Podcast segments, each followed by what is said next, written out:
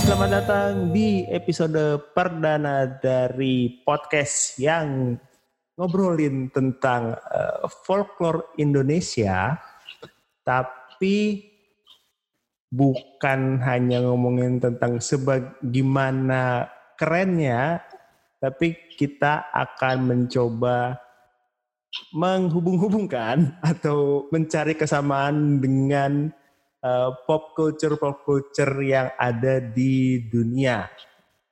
Selamat datang di episode perdana dari Kat Cerita bersama gue Sani Budi Pandita, tapi gue nggak sendiri sekarang.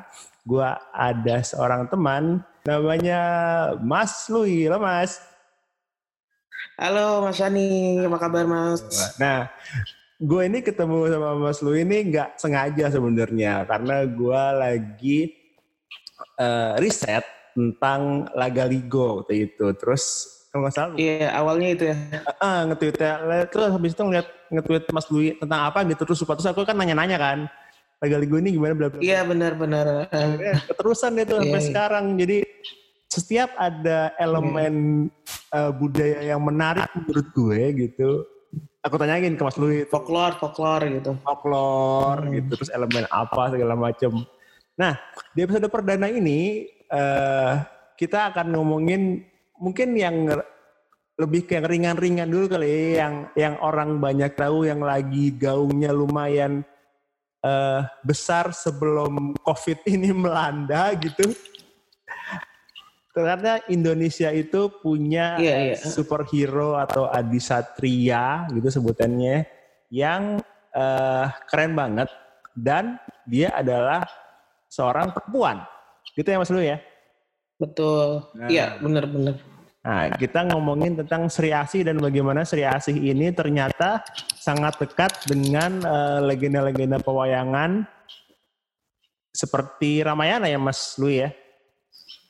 Iya, salah satunya. Salah, salah satunya. satunya. Nah, Mas Lui boleh ceritain nggak? Hmm. Jadi uh, Mas Mas Lui sempat uh, sempat apa namanya sempat nge-tweet tuh waktu kosasi benar uh. waktu waktu day perayaan uh, ulang tahun era kosasi itu uh, yang iya. merayakan komik Indonesia. Nah, Mas Lui kan pernah ngetweet panjang tuh dan menarik banget hmm. gitu elemen-elemen mitos yang diangkat uh, dari Sri Asih gitu. Boleh ceritain nggak Mas Lui? Uh, cerita, kan Sri Asih itu adalah jelmaan sebenarnya ya Mm-mm. Sebenarnya Pak yeah. Pak Kosasi itu ngambilnya itu dari mana sih gitu atau uh, ada nggak cerita folklore di, di belakang itu gitu? Uh, jadi uh, pertama kita ngomongin tentang ininya dulu kali masih mungkin ya tentang uh, komiknya dulu kali ya. Boleh. Jadi boleh. Uh, jadi komik Sri Asih ini kan seperti yang Mas Andi bilang ini adalah uh, tokoh bisa dibilang um, Adi Satria pertamanya Indonesia kan ya. Betul. Dan uh, yang istimewa lagi uh, waktu itu Pak R.A. Kosasi pada tahun 50-an ketika menciptakan uh, karakter Adi Satria itu beliau memilih uh, Sri Asih. Um, jadi dia uh, beliau maksudnya bukan menciptakan karakter yang kan ketika kita ngomong uh, tentang superhero apalagi di tahun-tahun uh, 50-an itu kan imajinasinya tuh masih yang kayak tokoh-tokoh seperti uh, Superman yeah. atau pokoknya yang maskulin, yang maco, yang kuat gitu. Tapi yes. uh, beliau memilih untuk uh, apa namanya menciptakan karakter uh, kom, karakter superhero pertama Indonesia. Hmm. Uh, yaitu si uh, Sri Asih ini dan itu tuh sebenarnya tidak terlepas kalau menurutku ya itu tidak terlepas dari background beliau uh, sebagai seorang yang amat sangat uh, suka dengan uh, sejarah dan budaya Indonesia. Hmm. Jadi se sebenarnya pertemuanku pertama kali uh, dengan Sri Asih itu justru terjadi lewat komik Mahabharatanya beliau. Jadi uh, almarhum R.A. Kosasi itu kan juga uh, nulis banyak sekali komik ya Mas ya, menciptakan yeah. banyak sekali komik. Salah satunya itu adalah seri Mahabharata. Nah, yeah, dulu waktu kecil kalau tidak salah uh, komik seri Mahabharata ini pernah diterbitkan ulang oleh penerbit Alex Media kalau tidak salah. Iya iya iya benar. Nah, nah pernah kok. Nah, jadi mm, komik uh, komik RA Kosasi yang pertama ku baca itu justru itu justru Mahabharata itu kemudian jadi penasaran hmm. kemudian mulai nyari-nyari tentang uh, karya-karya RA Kosasi lainnya dan waktu itu udah baca tuh ada tulisannya Sri Asih. Jadi uh, udah tahu dari zaman SD kan aku baca seri Mahabharatanya itu waktu SD ya. Mm-hmm. jadi tuh udah tahu sebenarnya nama Sri Asih tapi tuh komiknya kok nggak ada. Nah ya, ya. jadi kita kita kan ngomong kosasi nulis uh, apa namanya banyak sekali komik. Salah satunya Sri Asih yang disebutkan sebagai tokoh Adi Satria pertama di Indonesia. Mm -hmm. Akan tetapi itu komiknya mana ya? Aku nggak ada. Nah, nyari-nyari nyari di perpustakaan segala macam nggak ada. Dan emang waktu itu tidak diterbitkan ulang ya? Kalau, kalau ya, tidak karena, salah. karena bahkan mungkin sampai hari itu, ini ya, Mas ya. Uh, karena waktu itu sistemnya adalah uh, beli putus. Jadi oh, waktu itu komikus okay. bikin, terus sudah dia terbit, uh, pokoknya langsung jual ke penerbit. Nah penerbitnya itu yang pegang masternya gitu. Jadi komikus tidak oh, memegang nggak memegang uh, si master aslinya yang bisa dia misalnya tawarin ke penerbit lain gitu nggak bisa gitu. Jadi memang kalau udah selesai satu ya udah gitu. Oh ya, makanya pantesan dulu itu susah, kayaknya susah banget nyari nyari komik-komik beliau itu mm -hmm. yang tidak diterbitkan ulang ya. Nah terus habis itu kemudian di tahun 2014 uh, eh, itu aku berangkat ke Belanda untuk sekolah. Nah, ketika itu uh, di kebetulan uh, sekolah di Universitas Leiden yang hmm. punya koleksi uh, Indonesia paling besar di luar Indonesia. Jadi koleksi uh, mengenai Indonesia terbesar di dunia di luar Indonesia itu ada di uh, Universitas Leiden itu. Nah, jadi di perpustakaan Universitas Leiden itu tidak hanya uh, tidak hanya manuskrip kuno asal Indonesia yang disimpan mas, tapi ada juga majalah-majalah uh, bahkan dan hmm. um, malah lucunya lagi tuh aku pernah ketemu ini uh, apa namanya kaset kaset lagu-lagu daerah gitu loh. Jadi uh, dalam bentuk ini ya dalam bentuk CD gitu. Oh. Uh, apa namanya? Mm, itu ada itu ada semua di di di, di perpustakaan Universitas Leiden. Nah waktu itu iseng pas di Belanda itu waktu itu iseng jadi buka katalog yang Universitas Leiden uh, apa perpustakaan Universitas Leiden hmm. habis itu ngetik nama RA Kosasih gitu karena pengen tahu aja sih maksudnya uh, ini yang digadang-gadang sebagai uh, apa tempat di mana koleksi Indonesia terbesar di luar Indonesia kira-kira selengkap apa gitu karena hmm. hmm. Di, di, di, di sana tuh ada Femina, ada Bobo, ada Intisari. Jadi kayak majalah-majalah itu bahkan mereka mereka update. Ya. Jadi Iya ada semua terus iseng kan ngetik nama era kosasi eh ternyata ada. Jadi komik-komik era kosasi yang lama uh-huh. yang dari uh, edisi pertamanya itu ada di sana. Wow. Termasuk Sri Asih terbitan tahun 54. Wow. Itu penerbitnya Melodi kalau nggak salah. Nah, kemudian uh, nah le lebih uh, istimewanya lagi hmm. untuk uh, komik-komiknya komik-komik Sri Asih itu dia masuk bukan dalam koleksi biasanya perpustakaan Universitas Leiden. Jadi dia masuk dalam uh, koleksi khusus. Sebutannya itu special collections atau based on their collections. Nah, jadi kalau mau minjem hmm. uh, buku-buku yang masuk ke dalam buku-buku atau naskah, kebanyakan yang masuk uh, apa namanya kategori koleksi khusus ini naskah kuno memang. Nah, itu bukunya nggak boleh dibawa pulang Oh. Harus Jadi kita harus ke perpus, mm -mm, terus habis itu naik ke lantai yang paling atas. Di sana ada ruangan khusus dan ruangannya itu ada uh, apa ya kayak bener-bener strict gitu. Jadi kayak masuk nggak boleh bawa makanan, nggak boleh bawa minuman, nggak boleh bawa tas.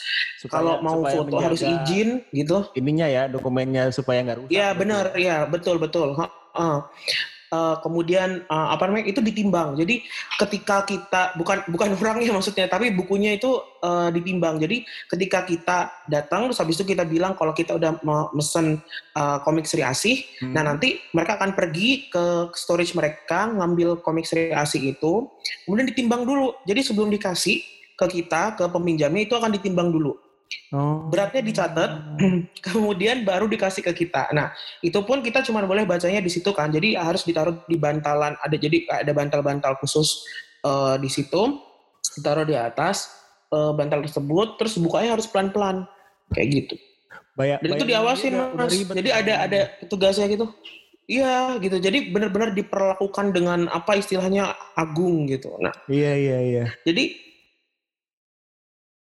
bayangin jadi komik-komik Sri Asih uh, edisi pertamanya itu tersimpan di dalam uh, special collections-nya uh, Universitas uh, Perpustakaan Universitas Leiden.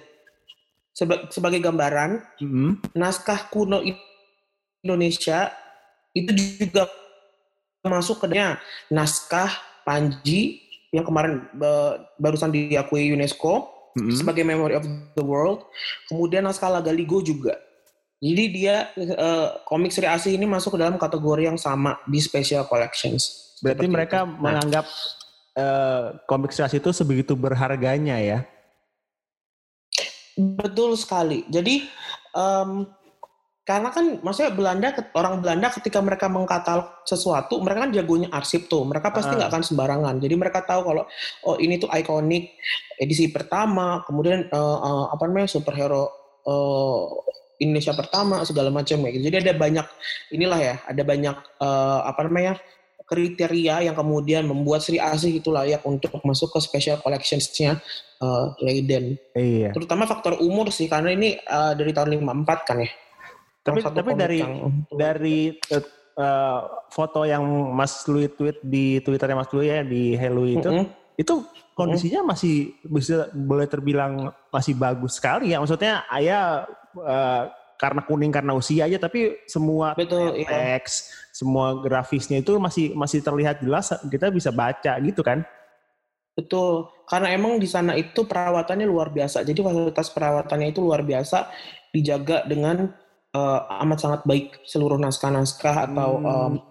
uh, buku-buku uh, Indonesia yang ada di Leiden seperti itu. Iya, iya iya iya iya. Nah itu pertemuan pertama dengan Sri Asih. Jadi uniknya udah dengar namanya dari SD, tapi baru ngelihat fisik uh, apa namanya uh, komiknya itu ketika berada di Belanda itu. Nah Kemudian setelah itu uh, apa baca baca baca gitu kan terus habis itu tenggelam dalam dalam uh, apa namanya karakter Sri Asih ini. Mm-hmm. Kemudian uh, mendapatkanlah uh, apa gambaran karena kan basically um, studiku itu kan sebenarnya sejarah dan hukum ya Mas ya. Nah, mm. um, aku tuh dalam dalam studi sejarahku khususnya aku tuh banyak menggunakan sumber-sumber lokal karena sumber-sumber lokal ini biasa di uh, apa namanya anggap remeh atau dikesampingkan. Iya, uh, iya, iya. Ya ketika kita konteksnya ini ya bicara scientific uh, writing seperti itu karena yeah. ya dianggap tidak uh, inilah tidak objektif, dianggap uh, apa namanya bukan sejarah dalam pengertian sejarah yang sebenarnya seperti itu. Jadi, tapi kalau aku perspektifnya itu justru kalau cerita cerita rakyat, cerita rakyat, mitos dan legenda yang ada di tengah masyarakat itu justru merupakan uh, rekaman mereka terhadap suatu peristiwa di atau fenomena di uh, masa lalu. Hmm. Jadi meskipun dia tercampur tercampur-campur elemen yang kelihatannya supernatural atau um, apa ya mistis segala macam, akan tetapi um, di lapisan setelahnya itu kita bisa menemukan sejarah faktor sejarah. Nah aku tuh suka bermain-main di situ. Jadi aku memang punya uh, ketertarikan dengan folklore karena setelah hmm. membaca komik Sri Asih ini kemudian um, apa namanya mulai mendapatkan uh, gambaran tentang siapa sih siapa sih sebenarnya uh, Sri Asih itu dan kenapa R.A. Kosasi itu menciptakan dia gitu. Nah, hmm. R.A. Kosasi kan seperti yang tadi udah kita bilang di awal, dia menciptakan uh, komik wayang kan ya, komik cerita-cerita yeah. wayang. Mahabharata dan uh, Ulam Sari dan segala macam. Nah, jadi beliau itu seorang yang memang punya uh, latar belakang budaya yang kuat. Nah, di dalam komik Sri Asih, beliau mengatakan kalau uh, si Nani Wijaya uh-uh. uh, tokoh utamanya di situ, uh, seorang gadis ibu kota yang uh, clumsy istilahnya digambarkan seperti itu, senang uh, pesta dan segala macam. Itu ternyata adalah titisan dari seorang dewi. Oh, oke. Okay. Dewinya siapa itu sebenarnya memang tidak disebutkan secara spesifik. Itu memang di di di, di gitu komiknya ya? itu tidak di, dia disebutkan sebagai titisan seorang dewi yang apabila dia mengucapkan mantra Dewi Asih, maka uh, dia akan berubah, berubah wujud tiba-tiba menjadi sesosok kesatria yang berpakaian seperti uh, penari wayang wong Jawa seperti itu, penari wayang orang. Jawa. Uh, nah, um, setelah kemudian membaca um, banyak referensi, ternyata akhirnya aku menemukan bahwa sosok yang digambarkan Dewi yang digambarkan ini tuh sebenarnya adalah um, Dewi Sri. Dewi Sri. Iya, Dewi Sri atau Dewi uh, Padi ya di Indonesia uh, beliau diasosiasikan memang lebih banyak sebagai Dewi Padi seperti itu. Makanya namanya Sri Asih. Ah, oke nah, oke oke oke. Dan ini juga uh, menarik karena uh, Indonesia itu kan beragam, amat sangat beragam budayanya. Dari hmm. Sabang sampai Merauke itu uh, tiap-tiap daerah punya mitosnya sendiri, punya legendanya sendiri, punya sejarahnya sendiri. Akan tetapi uh, ada yang menyatukan kita semua, Mas, di sini. Apa tuh? Jadi hampir di semua uh, kebudayaan di Indonesia itu hmm. selalu ada pemujaan atau Eh, ritus-ritus uh, yang berkaitan dengan Dewi Kesuburan atau Dewi Bumi. Oh. Dewi Padi, iya.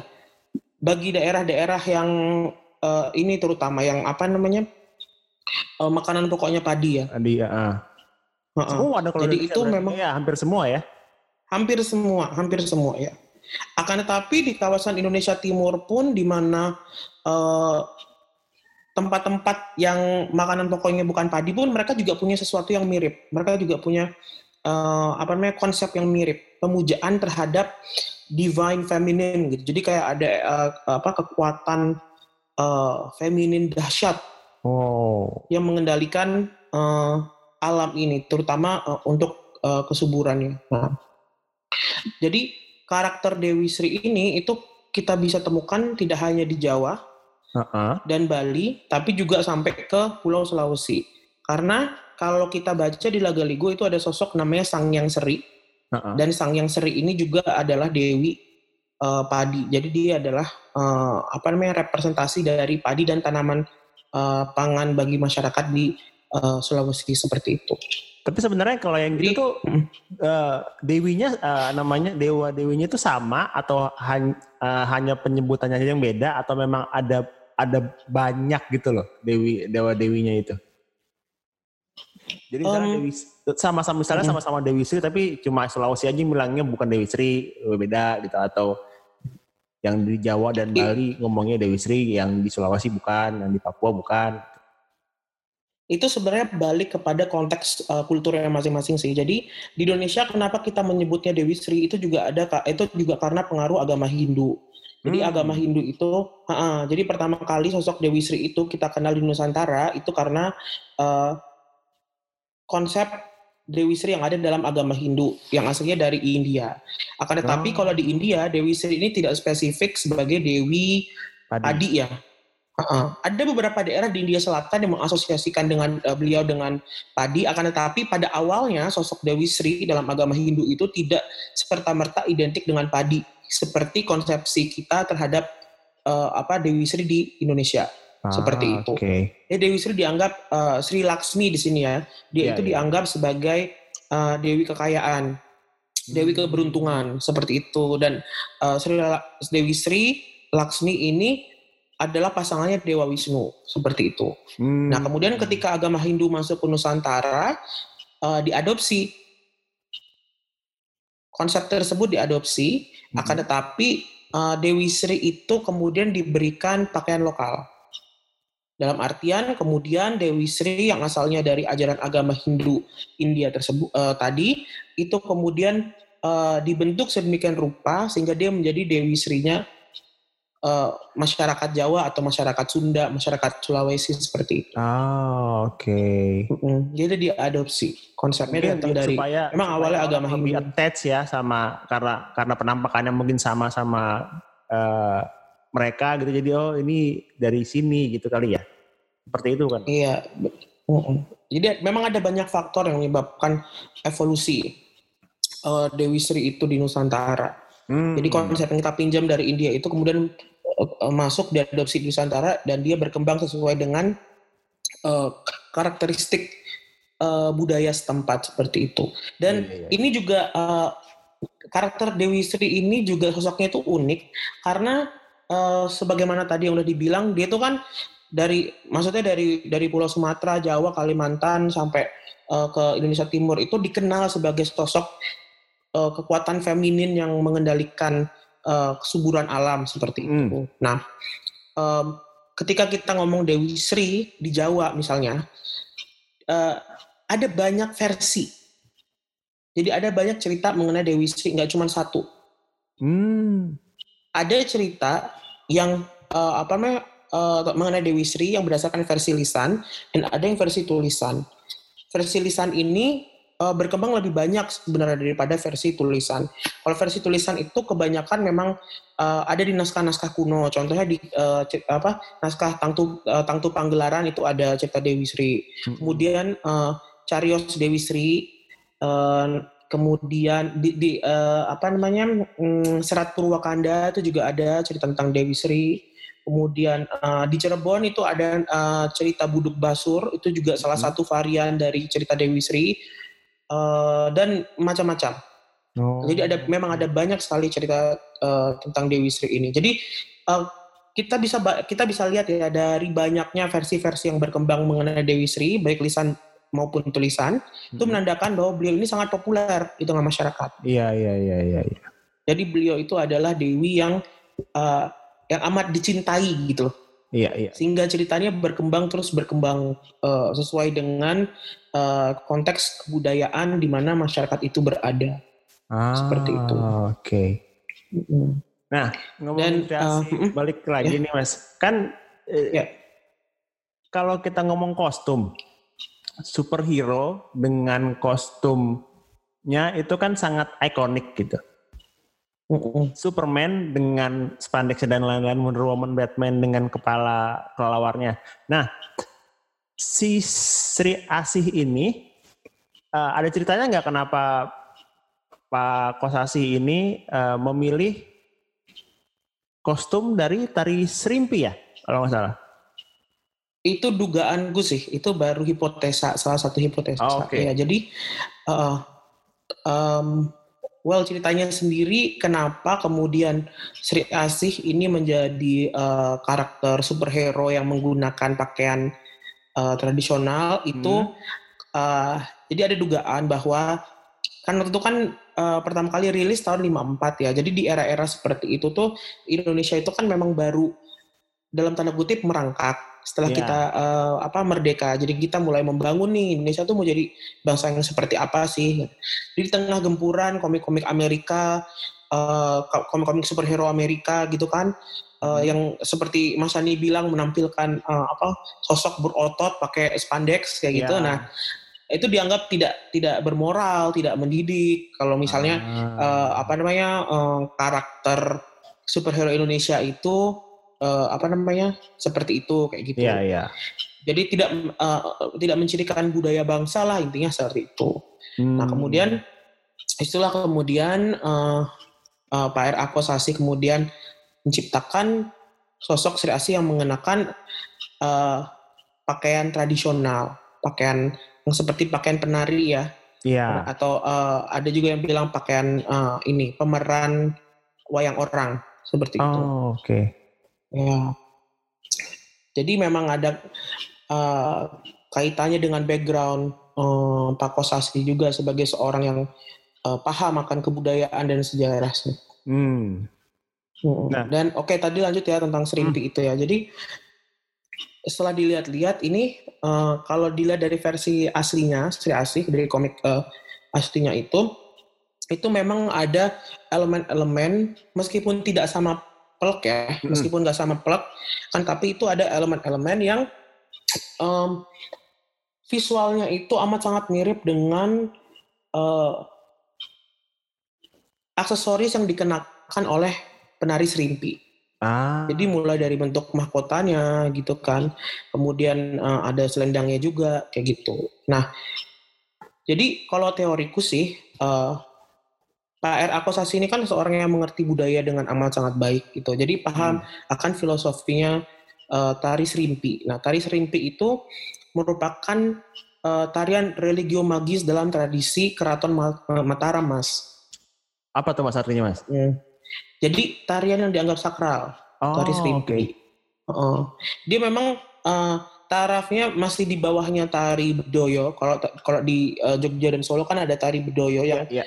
Um, hmm, hanya boleh ditarikan pada saat-saat tertentu dan penarinya juga ada syarat-syaratnya harus ngapain aja kayak gitu. Hmm. Dan uh, konon katanya ketika tari bedoyo itu ditampilkan maka uh, Kanjeng Ratu Kidul hmm. sebagai uh, pasangan dari Raja-Raja uh, Mataram itu akan datang, akan hadir dan ikut menari. Konon katanya. Oh. Nah, ya kalau Bedoyo kan memang terkenal oleh sakralnya. Iya, iya, nah, tari serimpi ini juga sebenarnya uh, tari yang uh, diagungkan lah seperti itu.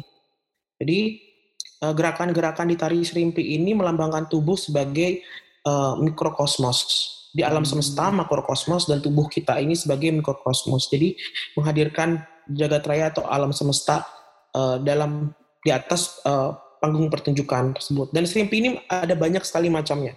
Jadi dia nggak cuma satu jenis tarian. Nah, yang menarik di sini adalah uh, ada salah satu uh, tari serimpi mm-hmm. dari Keraton Surakarta, ciptaan Sunan Pakubuwono ke-9 yang namanya Serimpi Sangupati. Hmm. Nah, Serimpi Sangupati ini um, sengaja diciptakan oleh uh, beliau.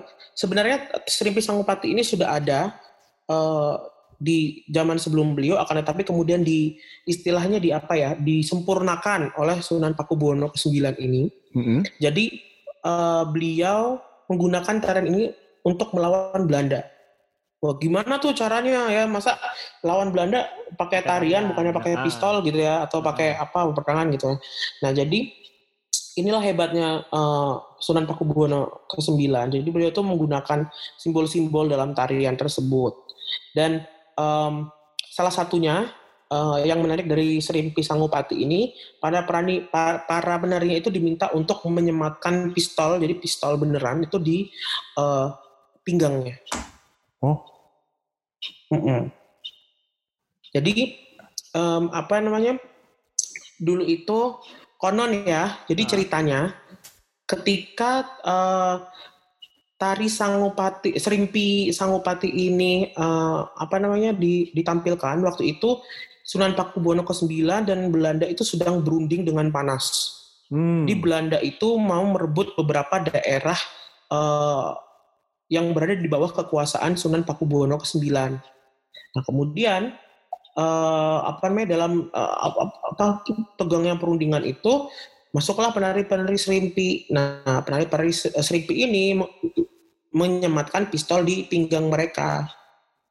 Jadi Berarti kalau seandainya perundingannya prajurit gitu. Hmm, prajurit bener. Hmm. Yang menari itu juga prajurit wanita. Dan uh, apa namanya?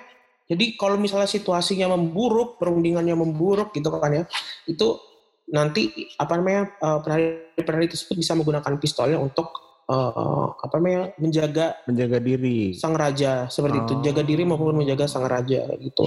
Akan tetapi untung perundingan itu tidak sampai uh, apa namanya ke arah yang uh, buruk. Soalnya delegasi Belanda itu udah mabuk duluan. Mabuk minuman maksudnya. Dan, uh, karena dalam dalam tarian itu ada gerakan di mana penari penari serimpis Tangupati ini menuangkan uh, minuman beralkohol ke gelas tamu, iya gelas oh. tamu Belandanya. Jadi itu juga salah satu bagian dari ini strateginya Sunan Pakubuwono ke-9. Iya, iya. Wah, keren. Akhirnya terselamatkan lah, iya.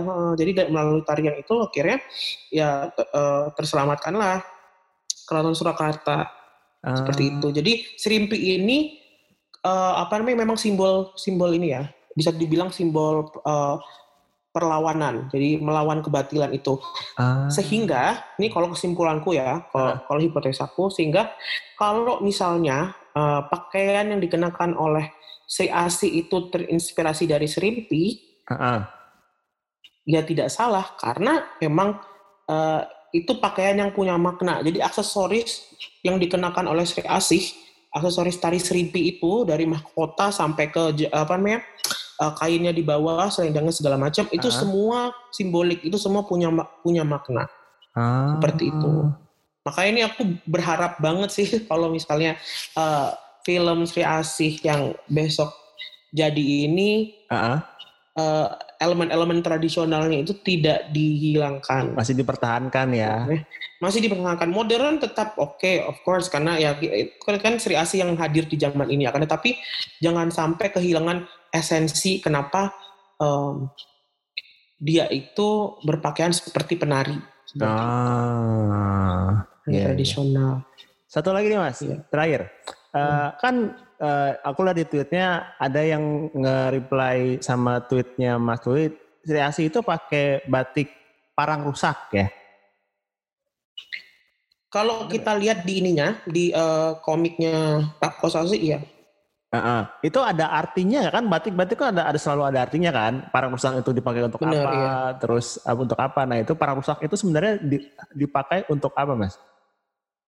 sebenarnya itu kalau batik parang rusak dia itu simbol dari royalty ya. Maksudnya oh. uh, dia itu uh, dulu hanya boleh dipakai oleh raja, oleh keluarga kerajaan Mataram seperti itu. Hmm. Uh, Tuh. Di sini juga mungkin mengindikasikan bahwa Sri Asih, maksudnya uh, si uh, karakter Sri Asih ini mungkin juga punya darah bangsawan. Nah, seperti itu. Iya iya iya. Uh, uh. iya. Atau jadi uh, sebenarnya kebangsawanan itu kan tidak uh, apa dalam dalam artian yang paling cetek mungkin kita melihatnya uh, sebagai ini ya uh, apa sesuatu yang diturun, di, diturunkan, diturunkan berdasarkan keturunan uh, darah biru gitu. Mm -hmm. Karena tapi kebangsawanan itu kan sebenarnya sikap kesatria. Ah, Jadi dia iya, juga iya. bisa berarti sikap mental. Jadi ya seorang bisa aja darah bisa aja darah biru tapi dia bukan kesatria, dia bukan bangsawan karena uh, apa namanya perilakunya yang tidak terhormat seperti itu. Ini, ini filosofikal sih. Iya, iya. Pasti ada yang nggak setuju karena wah enggak lah bangsawan itu harus yang memang keturunan raja lah segala macam. Cuman iya, kalau aku iya, sih iya. menafsirkannya di sini Sri Asih uh, apa pun latar belakangnya dia sebagai Nani Wijaya anak yang gede di uh, apa ibu kota atau uh, sebagai rengganis yang tinggal di Belantara Kalimantan dan ntar nggak uh, tahu ya Pevita antar kan jadi tokoh Sri Asia yang seperti apa ya, belum tapi kan dia. kalaupun ada hmm, bukan. Betul. Kalaupun ada elemen uh, batik parang rusaknya itu ya menandakan bahwa uh, yang namanya kemuliaan seorang uh, pemimpin itu tidak didapat hanya dari darahnya saja tapi itu ah. itu juga sikap mental sih itu sih emang tapi itu. emang salah emang satu tafsiran ya kalau menggambarkan se, uh, keadisatrian atau kepahlawanan itu dengan semua elemen yang ada di Sri Asih ya. Betul sekali, iya. Apalagi kan uh, apa namanya Dewi Sri ini seperti yang uh, udah dijelaskan di awal, dia ini amat sangat dicintai ya, Mas. Maksudnya hmm. di, di setiap kebudayaan itu sosoknya dia itu demikian dipuja. Oh. Dan dia juga punya kekuatan yang amat sangat besar sih dahsyat sebagai pasangan Dewa Wisnu, uh, sosok Dewi Sri ini sudah bereinkarnasi atau terlahir kembali berulang-ulang di sepanjang sejarah. Sebagai Dewi Sinta pada era Ramayana, kemudian uh, apa menitis sebagai uh, Galuh Chandra Kirana dalam cerita uh, Panji seperti itu. Hmm. Jadi berulang-ulang, terlahir berulang-ulang. Ah, Oke. Okay. Jadi konsep itu juga kemudian uh, Nani, Nani Wijaya juga adalah titisan dan Rengganis dan lain-lain titisan dari Dewi Sri itu. Betul, ya? uh, betul. Jadi kalau ada yang bilang, loh kok ini uh, apa Sri aslinya nggak sama dengan yang uh, versi RA Kosasi gitu kan? Ya karena pada dasarnya uh, Dewi Sri itu memang bisa dia di era yang berbeda terlahir sebab dalam wujud baru. Dalam wujud berbeda. Seperti itu. Iya iya. iya. Uh -uh. Oke deh kalau gitu. Kayaknya yeah. nanti kalau misalnya kita uh, bahas relasi dari segi perspektif yang berbeda kita nggak apa-apa ya mas ya Oh nggak apa-apa nggak apa-apa. Nah, ya. Nanti kita kita cari lagi ya. apa yang menarik dari Sri yang bisa kita angkat. Kayaknya masih banyak sih yang bisa kita angkat dari Sri ya. Iya. Hmm, banyak banget dan lagian kan ini juga masih perdana kan ya mas. Perdana Jadi, betul. Masih ya ini, masih meraba-raba juga ini. mau ngomong apa. Rencananya saya dan Mas Lui akan terus-terusan jadi partner ngobrol tentang semua ini gitu tentang Eh, elemen-elemen uh, budaya Indonesia yang sangat menarik yang mungkin akan bersinggungan dengan pop culture pop culture yang ada di dunia gitu. Thank you ya Mas Lui. Terima kasih. Sama-sama Mas Ani. Thank you yang udah dengerin. Sampai jumpa di episode selanjutnya di Kak Cerita. Episode Bye. Bye bye.